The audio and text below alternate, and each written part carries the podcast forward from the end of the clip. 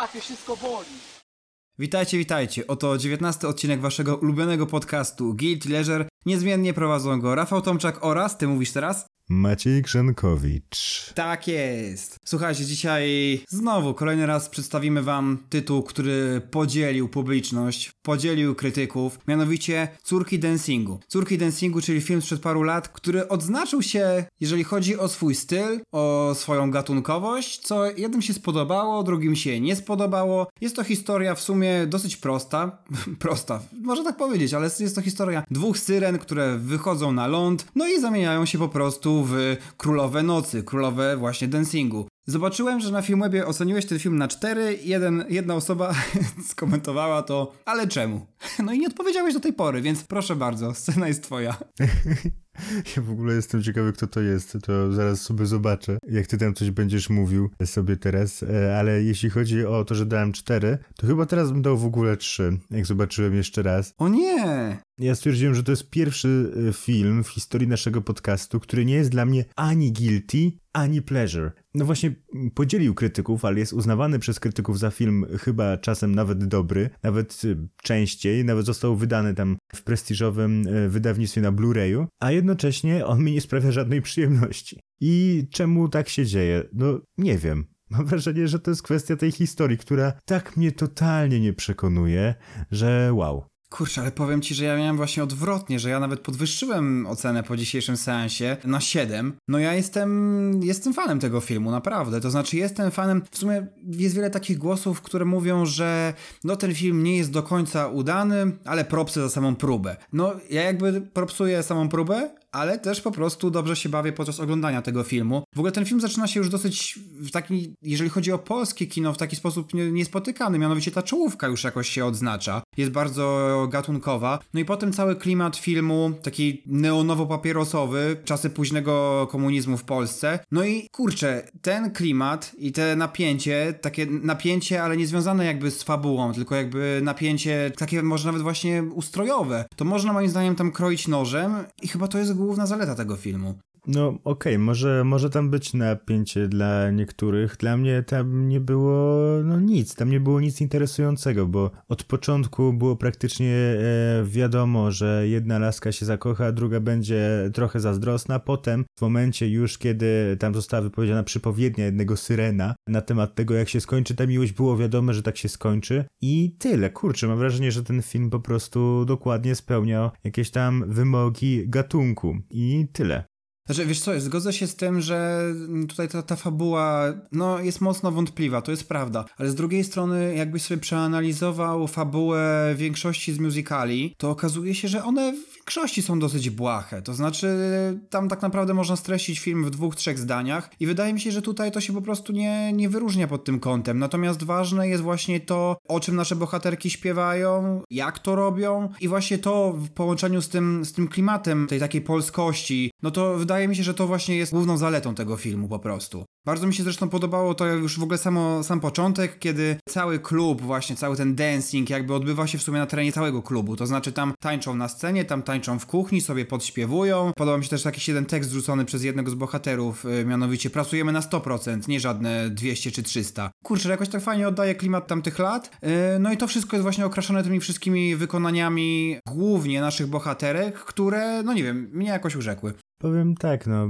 jak dla mnie musical niekoniecznie musi od razu mieć e, fabułę, która jest jakoś schematyczna, albo nawet jeśli jest schematyczna, to i tak może w tym coś się kryć. No nie wiem, w przypadku na przykład Her mam wrażenie, że to jest taki musical, który miał dużo do zaoferowania zarówno pod kątem muzycznym, wizualnym, choreograficznym, jak i właśnie pod kątem opowiadanej historii. Tutaj mam wrażenie, że no ta historia jest jaka jest, jest sobie po prostu historia. To jak są wykonywane piosenki, to mi się całkiem podoba w gruncie rzeczy rzeczy, ale też dlatego, że te piosenki w oryginale mi się podobają i zebranie ich w jednym miejscu również jest e, całkiem ciekawe. To, w jaki sposób została wykorzystana ta scenografia, to już mi się wydaje w tym momencie, no trochę takie oklepane w gruncie rzeczy. Już powstało od tego czasu też e, sporo różnych dzieł kultury, które wykorzystywały tę estetykę e, przełomu, powiedzmy, epok komunizmu i kapitalizmu w Polsce i o ile rzeczywiście, kiedy ten film wychodził, to można było jeszcze bardziej docenić tę estetykę i dlatego pewnie dałem trochę wyższą ocenę wtedy, to teraz mam wrażenie, że to jest jedna z wariacji, jeden początek może takiego nurtu fetyszyzowania również PRL-u, który się rozpoczął, a w tym momencie nie jest to jakieś bardzo atrakcyjne. Ja miałem trochę takie wrażenie, że ten film jest próbą nadrobienia zaległości, które wytworzył komunizm i zamknięcie w bloku wschodnim, który miał swoją drogą inne zalety, jeśli chodzi o produkcję filmową, ale to jest inna sprawa i wolę ich nie gloryfikować, ale odcięcie od tego świata zachodniego, od tej gatunkowości, która tutaj próbuje być nadrobiona, powiedzmy, te 25 lat później. No ale właśnie, no bo temat samego komunizmu czy klimatu Polski komunistycznej jest, jest już jakoś tam ugruntowany w polskiej kinematografii i dosyć można powiedzieć oklepany, no ale wiesz, nikt tego nie łączył z syrenami i nie robił z tego musicalu. Więc dla mnie to jest o tyle jakby oryginalne i o tyle ta gatunkowość tutaj wychodzi na pierwszy plan, że ja jestem w stanie to kupić, dlatego że tutaj po prostu twórcy zaoferowali mi właśnie coś moim zdaniem świeżego i faktycznie ta różnica, jeżeli chodzi o kinematografię,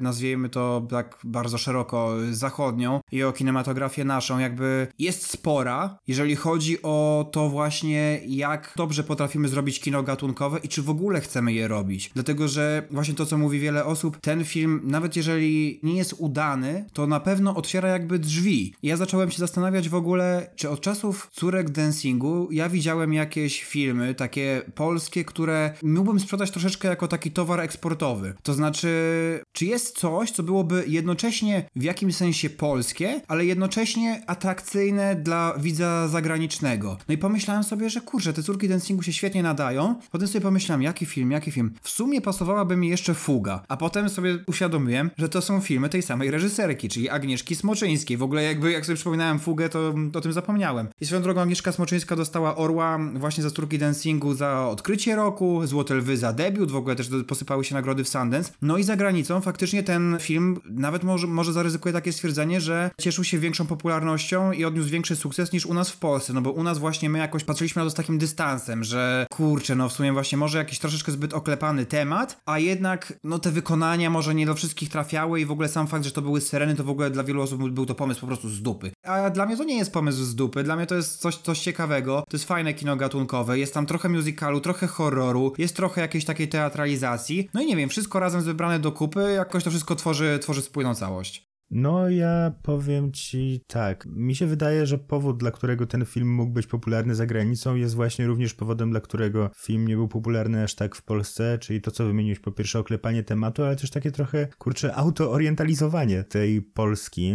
Tworzenie z Polski jakiegoś tam, no właśnie, kraju bizantyjskiego, wręcz blichtru i światełek, co jest atrakcyjne również wizualnie. Nie, nie do końca mi się to nie podoba, ale jednocześnie mam wrażenie, że to trochę ujmuje głębi tam tamtych czasów. No wiadomo, że ujmuje z drugiej strony, to nie jest celem musicalu, żeby tę całą głębię tutaj przedstawiać, ale mam wrażenie, że trochę to sprowadza to wszystko do, do tego piękna, do tego konsumpcjonizmu nawet, co jest dziwne, biorąc pod uwagę, że no jesteśmy jeszcze przed transformacją, a jednak tutaj niektóre numery, szczególnie w kontekście wyjazdu do Warszawy, do centrum handlowego, do domu towarowego, nagle y, są bardzo gloryfikujące właśnie produkt, fetyszyzujący co jest zaskakujące w tym kontekście i może trochę jakoś zadawać kłami, być właśnie na taką modłę amerykańskiego jednak e, musicalu. Coś, co stara się podrobić trochę ten klimat, co my mogliśmy wewnętrznie czuć jako trochę nieprawdziwe. Zresztą pytanie, czy ta forma też jakby właśnie jest eksportowa, ale czy ona jest aż tak polska? Nie, bo ja mam wrażenie, że takim filmem, który by rzeczywiście coś powiedział o Polsce, no to byłby albo niestety, no nie wiem, Botox, albo z drugiej strony, kurczę, Claire. A to jest e, właśnie taka, powiedziałbym, nie, nie obrażając ludzi, którzy lubią ten film, ale jakby po prostu jako porównanie, jak taka cepelia, taki towar eksportowy, e, który upraszcza pewien koloryt.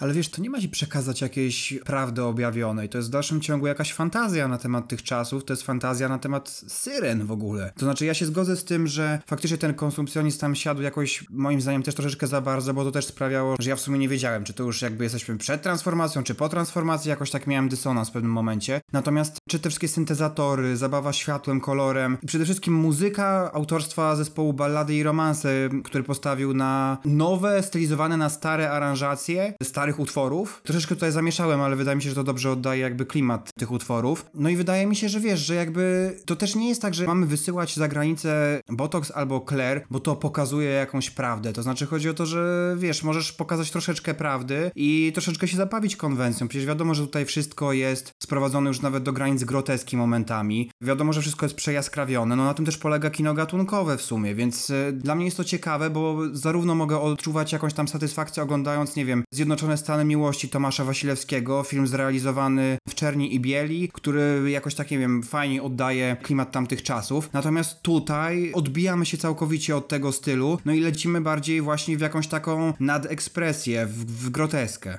Nie no, ja się zgadzam, że, że tutaj to nie jest celem tego filmu przekazać prawdę o Polsce, tylko że właśnie dlatego on może być tym towarem eksportowym, że nie przekazuje tej prawdy do końca. No jakby, okej, okay, no to jest kwestia tej konwencji właśnie, która ma za zadanie co innego, ale dlatego właśnie mógł tam e, znaleźć tę popularność, jak mi się wydaje. Ja w ogóle lubię w tym filmie taką w sumie rockową energię, to znaczy tak sobie pomyślałem, że teoretycznie tutaj mamy dancing, ale mam wrażenie, że jakoś tutaj więcej jest takiego rockowego brzmienia, jeżeli chodzi o wydźwięk tego filmu. W tym filmie jest taka bezpośrednia szczerość i ona mnie troszeczkę rozwala i dlatego ja mam troszeczkę takie poczucie tego guilty, bo dla mnie to jest i guilty pleasure jednak. Mianowicie to, jak te syreny są zaakceptowane. to znaczy, bo oczywiście jakby bawimy się konwencją, ale te syreny się pojawiają, no one jakby mają te swoje ogony, które w ogóle nie są przedstawione w jakiś piękny piękny sposób, tylko te ogony są raczej takie bardziej oślizgłe. No i one są tymi syrenami, no i ci ludzie tak, o, okej, okay, syreny. Albo potem jak jedna bohaterka zwraca się do drugiej, jakby zjadłaś obywatela. Komizm tego, tego sformułowania mnie też całkowicie rozkłada na łopatki w sumie. I nie wiem, ja to kupuję, właśnie takie połączenie jednego z drugim i to jakoś tam gra. Albo już ostatni tekst, który sobie zapisałem, czyli jesteś taka piękna i masz ekstra ogon. Te teksty są wypowiadane tak beznamiętnie i bardzo często są z jednej strony trochę sztampowe, ale z drugiej strony w taki naturalny sposób sztampowe i właśnie przez to mam wrażenie, że ta szczerość właśnie ma taki wydźwięk rokowy, że po prostu jak każdy mówi co chce, nieważne od tego, czy to jest jakaś klisza, czy nie, to po prostu bohaterowie się nie zatrzymują w tych swoich dialogach. Mi się też to spodobało, to połączenie takie powiedzmy bez zaskoczenia, także nie ma zaskoczenia, że przychodzą syreny, on komplementuje ten ogon. Uważam, że to wyszło całkiem ciekawie i nadało taki klimat trochę oniryczny, trochę takiego realizmu magicznego, w którym coś jest przesunięte, ale tak delikatnie, że trudno tego zauważyć, a jednak wprawia w pewne zdziwienie, czy w jakiś tam e, niekoniecznie nieprzyjemny, ale dyskomfort poznawczy. Dobra, może przesadzam. Ale nie, ja się zgadzam, ja się zgadzam. Szczególnie jest tam też jest taki jeden moment, przepraszam, że ci przerwę, ale jest tam taki jeden moment, gdzie kto wie, ten wie, ale bohaterowie mówią o braku szpary. I o braku szpary śpiewają po prostu. I, I jest to na tyle zaskakujące, że odczuwasz ten dyskomfort. No, w każdym razie te teksty również dodają tego właśnie powiedzmy sznytu, to, że są takie może sztampowe, ale z drugiej strony kurczę, jakieś rzeczywiste. Tutaj nie musi to też być najbardziej oryginalne na świecie, jak mi się wydaje. Chociaż raz w jedną, raz temu mówię. Ale akurat jeśli chodzi o same wypowiedzi bohaterów, to ta sztampowość tutaj całkiem no, ciekawie zagrała właśnie z wprowadzeniem syren i mam wrażenie, że ta sztampowość samych wypowiedzi poszczególnych obroniła się też dzięki e, całkiem dobremu aktorstwu, jak mi się wydaje.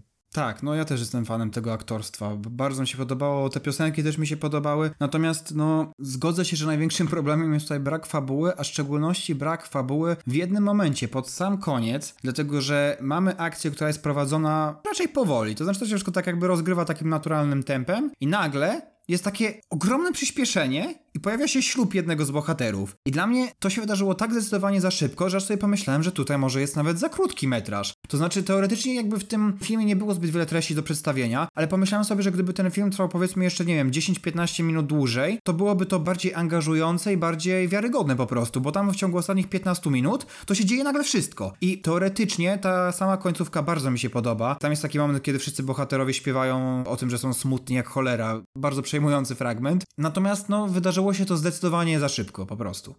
No, jak dla mnie akurat prędkość rozgrywania się akcji niespecjalnie miała tutaj nawet znaczenie, ale rzeczywiście to było mega szybkie. Ja, ja się zgubiłem w taki sposób, że właśnie w jednej scenie powiedzmy dopiero rozgrywał się flirt bohatera e, z drugą bohaterką właśnie, z którą będzie brał ślub, a potem jest nagle ich ślub. Ja nie wiedziałem, co się dzieje do końca. Było kilka takich przejść, tak swoją drogą nawet wcześniej, które lekko mnie konfundowały, ale tego nie, nie biorę jako zarzut. Myślę, że nie jest to jakieś strasznie problematyczne. Da się to ogarnąć.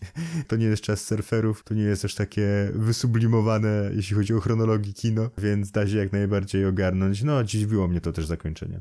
No, jakby pozostał taki niesmak jednak, no. To znaczy, w ogóle ten film pod sam koniec nagle się stał filmem o nieodzajemnionej miłości. Co się wydaje, że tutaj jakiś dancing, tutaj komunizm, tutaj może syreny, a to tak naprawdę jest film o nieodzajemnionej miłości, chociaż wydaje mi się, że poświęcono temu wątkowi za mało czasu. Swoją drogą, jeszcze jest jedna rzecz, na którą chciałem zwrócić uwagę, mianowicie, kurczę, jak te ogony syren są tutaj seksualizowane. To były takie momenty, które też um, wprawiały mnie w osłupienie, mianowicie, no nie wiedziałem, ci bohaterowie się zachowywali tak, że tak pragnęli tych ogonów, że aż wiesz, no momentami zaciskałem zęby i aż mi to tak, nie wiem, nie grało po prostu. No nie wiem, dziwne to było strasznie. Cóż, no to jest właśnie ten dyskomfort, tak? Tak, no tak. To jest ten dyskomfort, że jesteśmy w świecie realizmu magicznego i cóż, no syreny też są na rynku matrymonialnym. Tak, tak, no dokładnie, dokładnie. No i ostatnia rzecz, na którą ja chciałem zwrócić uwagę, to jest jeszcze utwór Byłaś serca biciem w wykonaniu Kingi Price. Uwielbiam tę aranżację i jest ona, no przepraszam, przepraszam, ale tak, jest ona dla mnie ciekawsza od oryginału. Fuck you, powiedziały setki milionów Polaków. No, przepraszam, ale lubię, lubię sobie raz na jakiś czas puścić właśnie ten, ten utwór w wykonaniu Kingi Price. No, bardzo mi przypada do gustu i wydaje mi się, że on też w sumie w dobrym stopniu oddaje w ogóle klimat tego filmu i właśnie komu się może spodobać, a komu nie. Tak sobie pomyślałem, że w ogóle właśnie ten utwór to jest taka kanalizacja tego, tego wszystkiego. Myślę, że trochę może tak być. Przy czym sam utwór bardziej mi się podoba niż cały film. Bo powiedziałeś o tych różnych wątkach w sumie i teraz sobie pomyślałem, że to się zgadza. Że jest ta kwestia właśnie tu syreny, tu niespełniona miłość, tu dancingi, a film ma półtorej godziny i jest bardzo rozbity na te poszczególne wątki. Mam wrażenie, że jakby jeden był tutaj jakiś najważniejszy, to może by było to dla mnie jeszcze ciekawsze, a, a tak to, to nie jest. No to prawda, tak. To bo właśnie tutaj troszeczkę twórcy nie wiedzieli chyba na czym się skupić, potem w ostatniej chwili stwierdzili, że a, zmieniamy swój target i jakoś z tego wyszło tak pół na pół, więc, więc z tym się zgadzam. Wydaje mi się, że w sumie powiedzieliśmy już wszystko na temat tego filmu. Z tym, że kurczę, no ja będę podkreślał to, że niezależnie od tego, czy ten film się komuś podoba, czy nie, to ja tego typu filmów, jeżeli chodzi o polską kinematografię, widziałem bardzo mało i uważam, że to jest dobra droga, żeby po prostu troszeczkę eksperymentować. No bo wiesz, jakby przejrzyj sobie tak w głowie jakieś polskie filmy, które widziałeś w ostatnim czasie. Kurczę, no wydaje mi się, że jest to jakiś tutaj ta, ta wizja autorska, taka ekstrawagancka, nadaje temu takiego specjalnego uroku i ja chciałbym, niezależnie od tego, czy te filmy będą dobre, czy nie, to chciałbym, żeby próbowano i chciałbym, żeby po prostu powstawało ich jak najwięcej. Niech powstają, ja im nie bronię. Oglądać prawdopodobnie nie będę, ale nie bronię. No dobrze, to mamy ewidentnie film, co do którego się nie zgadzamy. W końcu to, to się wydarzyło. Wydaje mi się, że chyba, chyba do tej pory nie było filmu, który by aż tak nas podzielił. Nie, była tylko piosenka Ciągnik zespołu Blenders. Aj, aj, oj, do tego to lepiej nawet nie wracać. Ja sobie wracam myślami do tego, bo co, co jakiś czas mnie to prześladuje. Ja sobie myślę, jak powiedziałeś, że ja nie rozumiem, jak tego można słuchać dla przyjemności, mówisz serio. Mi się tak przypomina. Przepraszam, jeżeli byłem zbyt ostry, zbyt ostro cię potraktowałem, to przepraszam. Nie no, luzik, ja po prostu wyrzuciłem swoje płyty i już jestem spoko. Okej, okay, rozumiem. Kurczę, ale ja z córek dancingu nie zrezygnuję, także soreczki. No bo ja ci nie powiedziałem takich rzeczy ostrych, więc tutaj się nie dziwię. A, dobra, okej. Okay. Poza tym ja rozumiem, że można to oglądać dla przyjemności, trzeba być trochę no, jakby dziwnym, ale można. Tak, a tutaj tam nie było jakiejś specjalnej taryfy ulgowej. Oj, myślę, że powiedzieliśmy to samo, tylko że troszeczkę innymi słowami, ale dobra. Tak, chyba tak. Dobra, to jesteśmy kwite. Okej, okay, dobra, przechodzimy do segmentu muzycznego. To co, lecimy z twoim może najpierw. Tak, lecimy z moim. E, moje, no myślę, że jest bardzo adekwatny ten utwór i ten tytuł, również do tego, czym się tutaj zajmujemy, szczególnie w drugim segmencie, ponieważ zatytułowany jest Human Music, czyli muzyka dla ludzi. Czy wiesz może z czego to pochodzi? Z czego to jest? Tak, wiem, bo też zajrzałem do komentarzy, no i w sumie poznałem też kreskę i sobie pomyślałem, kurczę, może to jest dobry czas, żeby zacząć oglądać Ricka i Mortiego. To jest bardzo dobry czas, żeby zacząć oglądać Ricka i Mortiego, bo prawie każdy czas jest na to dobry, ale nie możemy o tym mówić w naszym podcaście, bo to nie jest guilty pleasure. To jest po prostu dzieło kultury, wspaniałe. E, ale jeśli chodzi o sam Human Music, właśnie z Ricka i Mortiego, to ja powiem tak, dla tych, co widzieli ten odcinek, nie martwcie się, nie wziąłem tego dźwięku, bo to trudno nazwać nawet melodią, e, czyli pip, pip, pip, jako mojego guilty pleasure, którego słucham po nocach, tylko wziąłem remix. Remix konkretnie, który jest utrzymany w klimacie low lo-fi i vaporwave. W sumie taki, który był całkiem modny klimat jakieś tam kilka lat temu, no zawojował nasze komputery YouTube'a. I ja stwierdziłem, że w tej aranżacji to jest w ogóle coś po prostu, to jest po prostu coś fajnego. E, wiadomo, ten human music, ale rozbawiło mnie to, że w gruncie rzeczy jak internauci wzięli dźwięk, melodię, która z założenia miała się nie podobać, bo to miało być takie proste i stwierdzili, a zrobimy z tego coś fajnego. I zrobimy z tego pleasure, takie guilty pleasure. E, jak to by się w ogóle to podobało? No bardzo, bardzo, wiesz, to znaczy ja w ogóle trochę tak jakoś wpadłem w taki, w taki rytm tego Vaporwave'u, to znaczy, że trochę się z tym źle czuję właśnie, ale jakoś, nie wiem, zaczyna mi się to bardzo podobać, tylko wiesz, mam wrażenie, że nie odróżniłbym dobrego Vaporwave'u od złego Vaporwave'u, tylko po prostu mi się to słucha przyjemnie i chillowo. Ja ci powiem taką radę. Jeśli chcesz słuchać Vaporwave'u, możesz, i to jest autentyczna praktyka, sobie słuchać dowolnej piosenki w prędkości pół na YouTubie i to już można uznać za Vaporwave. To, to nie jest żart, jakby autentycznie tak się dzieje. W sensie możesz sobie zobaczyć jakieś tam, nie wiem, Afryka to to slow down i jakby od razu estetyka Vaporwave'owa. No cóż, to tak działa i to nawet fajnie brzmi momentami. Tak, ja to lubię Vaporwave. W tym momencie on stał się już zdecydowanie mniej modny, jest raczej, no, pieśnią przyszłości, no. W tym momencie już nie widzi się tych wszystkich memów, albo jeśli się widzi, to już już takie są wymierające chyba z tym Arizona, z tymi palmami i tak dalej, no chyba, że oglądamy Barbie Girl, odnośnik do jednego z poprzednich odcinków, ale to, co jeszcze chciałem ci powiedzieć, to jest to, że mi ten oryginalny utwór, ta melodia, czy ten dźwięk, też mi się nawet podoba. Bo on jest taki idealny jakiś do medytacji, czy jak mi się wydaje, że to jest coś takiego, że słuchasz tych trzech dźwięków, właściwie dwóch, tylko że trzeci jest taki sam jak pierwszy i jest jakoś tak odnosi do absolutu. Ja mam autentycznie takie, takie wrażenie, w sensie, że to jednocześnie brzmi trochę może zabawnie, zabawnie, ale to, że to jest takie proste, że aż można się tym modlić. No wiesz, co jest chyba komentarz, który też zyskał tam najwięcej lajków pod tym filmem, czyli chciałem znaleźć oryginał, znalazłem sens życia, to wydaje mi się, że całkiem dobrze oddaje w ogóle klimat tego. Kurczę, no wiesz, jakby te, te kilka dźwięków może być zapętlonych i mi się to nagle podoba i wiesz, i te wersje 10-godzinne mogą być odpalone w tle i ja tak sobie mogę, tylko właśnie nie wiem, korci, żeby sobie odpalić taką wersję 10-godzinną, ale ja nie jestem przekonany, czy to by dobrze zrobiło jednak, bo teoretycznie na samym początku jest przyjemnie i chillowo, ale później chyba byłbym zbyt wyprany. No, chyba tak, tak mi się wydaje. To nie jest coś, czego można tak słuchać. Znaczy, inaczej, nie ma takich rzeczy. Co można by było tak słuchać, chyba że e, Epic Sax Guy. Gandalf Europop Node. No właśnie, tak jest. Exactly. Dokładnie. Odnośnik do jednego z poprzednich odcinków. Który swoją drogą pojawił się na ostatniej Eurowizji, gdyż przedstawiał głosy Mołdawii oddane na pozostałe państwa. No i kurczę, jest i on. Bardzo dobrze. Wrócił, bardzo dobrze. No dobra, no to przechodząc teraz do mojej propozycji. Słuchajcie, czas na imię deszczu w wykonaniu Mafii i Andrzeja Piaska Piasecznego, który jak dzisiaj przeczytałem określany był popowym wcieleniem Kerta Cobaina. W ogóle ja nie wiedziałem, że go tak określano. WTF? Kto go tak określał? No właśnie, kto go tak określał? I to jest dobre pytanie, dlatego że, kurczę, trudno współcześnie, a, znaczy współcześnie, mam na myśli troszeczkę jakby te młodsze pokolenia, to trudno jest go nieironicznie słuchać. Takie mam poczucie. Ja mam poczucie, że w ogóle trudno go słuchać.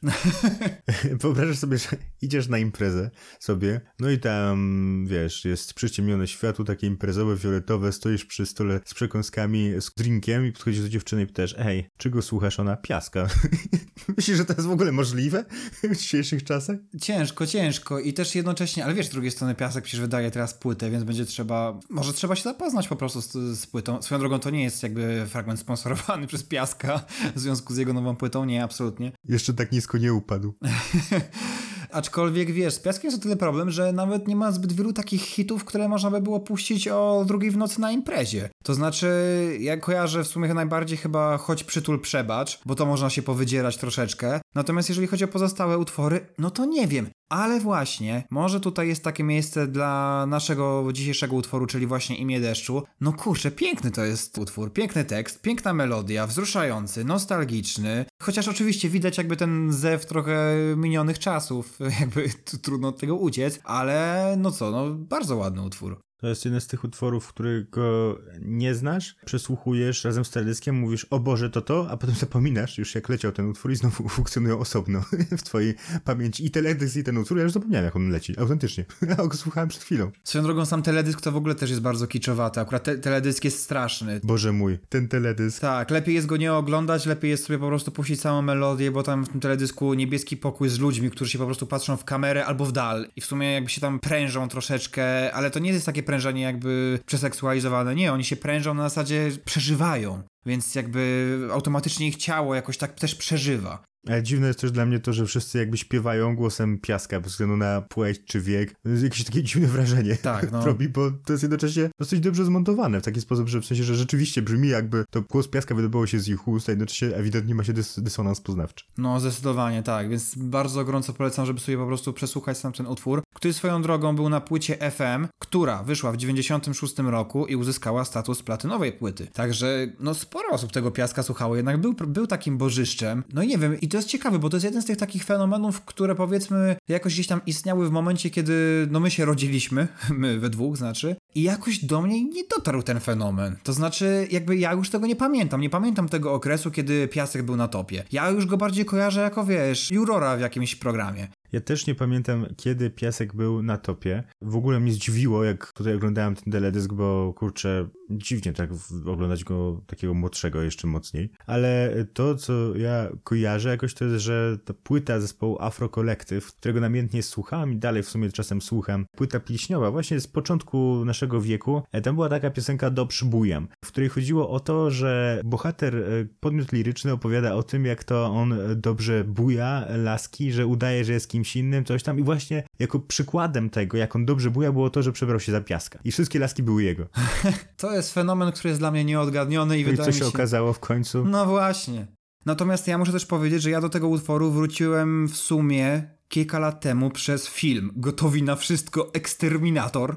to jest polska produkcja. To, to totalnie brzmi jak film, do którego pasuje ta piosenka. Dokładnie, no. I to jest polska produkcja, gdzie grał między innymi Paweł Domagała i Piotr Ogólski, którzy właśnie wykonywali tę piosenkę. No i o wokalu Pawła Domagały w kontekście tego utworu mówiło się, że kurczę, może nawet zaśpiewał lepiej niż Piasek. No zaśpiewał inaczej na pewno. No w ogóle Paweł Domagała to jest taki, że on teraz w sumie trochę dzieli bardzo słuchaczy i słuchaczki, więc więc y, jeżeli ktoś lubi Pawła Domagałę, to na pewno też spodoba mu się ta aranżacja właśnie utworu Imię Deszczu. Więc pozdrawiamy. I polecamy. Ale pozdrawiamy też. Tak jest. No, a tymczasem musimy się przenieść chyba do ostatniego piątku. Ale w sumie to nie będzie ostatni piątek, tylko będzie piątek jeszcze wcześniejszy. W momencie, kiedy ten odcinek się już ukaże, to już będziemy mieć przed sobą kolejny piątek. Cholera wie, co się wydarzy w kolejny piątek. You never know. And I never know. Tak, ale chcieliśmy powiedzieć o ostatnim piątku, który spędziliśmy razem. Znaczy we dwóch, nie razem z wami, ze słuchaczami. I byliśmy na mieście. Byliśmy na mieście i zalały nas fale ludzi. Koronawirusa. Tak, niemalże niemalże, fale ludzi, taka rzeka ludzi, w której my byliśmy po środku i słuchajcie, i my we dwóch mieliśmy maseczki. I co teraz? No głupio, głupio czy nie głupio? Dziwne to było. Ja ci powiem tak, noszenie maseczek ogólnie to jest temat, który trochę jest, mam wrażenie, niestety za bardzo traktowany w kategoriach tego, co jest lamerskie, a co nie. I właśnie jeden z przypadków tego dyskursu to jest to, jak byliśmy w piątek na, na mieście, no oczywiście na dworze, żeby nie było. No i rzeczywiście były masy ludzi dookoła nas, no i ja nie wiem, czy ktoś oprócz nas miał maseczkę? Może ktoś miał, chyba, może jedna czy dwie osoby, nie wiem, ale to są naprawdę jedna czy dwie osoby z setek lub tysięcy, które się tam przewinęły. No i cóż, kurczę, trochę mi może było głupio na początku, ale w sumie you can, you have to fake it till you make it, więc e, byłem taki, tak, tak, wiem, jest wszystko w porządku. Nie, no ja to właśnie niemalże wymieniałem jakieś porozumiewawcze propsy wzrokowe z osobami, które jednak miały tę maskę. To, to oczywiście tych osób to była jakaś znikoma, znikoma liczba, no bo raczej ludzie po prostu przyszli się bawić, skoro przyszli na miasto, to nie po to, żeby siedzieć w maskach. No my wyszliśmy troszeczkę z innego założenia i wiesz, i to jest taka dziwna sytuacja, bo idziesz w tłum niebezpiecznie, ale nosisz maseczkę, żeby było bezpieczniej. W sumie w masce czułem się źle, ale bez maski też bym się czuł źle. I jakoś w ogóle, wiesz, teraz ja mam problem z tym, żeby się przyzwyczaić, mimo tego, że psioczyłem strasznie na tę maskę, miałem dużo problemów w ogóle z oddychaniem i tak dalej, to kurczę, teraz jak tę maskę zdejmuję, to też mi jest jakoś dziwnie, nie mogę się przyzwyczaić do końca. Aczkolwiek ten piątkowy wieczór troszeczkę potraktowałem to jako taki element ubioru, co wiesz, to nagle wzbudzasz tym zainteresowanie, że masz coś takiego na sobie w ten piątkowy wieczór i ludzie się patrzą. I oczywiście patrzą się jak na debila, to jest inna sprawa, ale ja starałem się być trochę troszeczkę ponad to. I jakby, hmm, ja mam maskę, wyróżniam się. To jest już jakby, potraktowałem to, wiesz, jako po prostu część outfitu.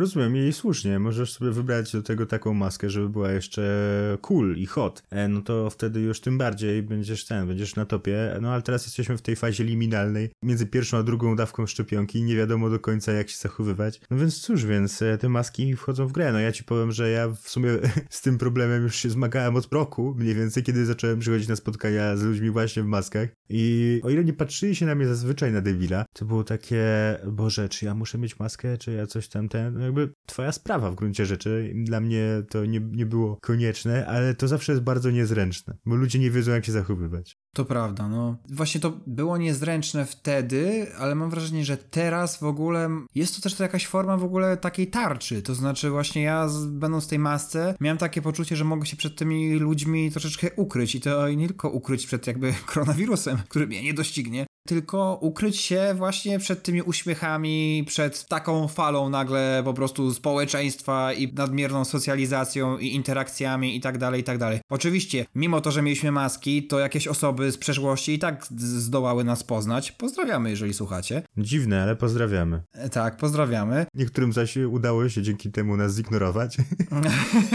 tak. Też pozdrawiamy. To jeżeli słuchacie, ale raczej nie. Natomiast no, te zmagania z powrotem do rzeczywistości, to ta maseczka sprawia, że, że są nieco łatwiejsze moim zdaniem. To znaczy, wiesz, jakby po prostu potraktowałem to jako tarczę, jeżeli ktoś patrzy jak na debila, to trudno, ja, ja nie muszę automatycznie ze wszystkimi gadać, tylko się troszeczkę jakby, wiesz, chronię po prostu. Ale ja też e, powiem ci, że jak jeszcze jakiś czas temu byłem w tej maseczce, zobaczyłem kogoś, kogo znam, nie chciało mi się z tą osobą rozmawiać i ja tak patrzę, tak, tak mieszę wzrokiem, ale nie za długo, żeby nie spojrzałem jakoś tam w oczy i widzę, okej, okay, nie jestem rozpoznany. I pomyślałem, fajnie, mogę robić co chcę. Tak, są momenty, że jest to wygodne. Ja w swojej pracy też miałem takie momenty, że ta maska to mnie uratowała, bo inaczej bym wybuchł osobie, z którą rozmawiam prosto w twarz, a tak mogłem po prostu jakoś to udać, czy wszelkiego rodzaju ziewnięcia. No słuchajcie, nie no się okazuje, że jakby w momencie, kiedy już rezygnujemy z masek, to po prostu to było coś fantastycznego. Szok. Nie no, oczywiście też nie mamy co wpadać w taką retorykę, natomiast tak, jeżeli chcecie nosić maskę, to noście, my propsujemy, jeżeli nie, wasza sprawa i tyle i szczepimy się. Może w ten sposób dostaniemy jakieś pieniądze. W końcu jakiś patronat. Skoro Freeza będą wykorzystywać do tego, to czemu nie Guilty Leisure? To będzie jeden z segmentów dla antyszczepionkowców. Że no guilty, no ale kurde jednak przydaje się. Mam nadzieję. Póki, póki jakby kupią to i wejdą w temat i się zaszczepią, to super, nasza misja spełniona. I to tyle, jeżeli chodzi o dzisiejszy odcinek. Tak, do usłyszenia. Trzymajcie się, na razie, cześć. W naszym jinglu usłyszeliście utwór Le Grand Chase w wykonaniu Kevina MacLeoda. Wystąpił w nim oczywiście również Paweł Jumper, a realizował nas Filip Markiewicz.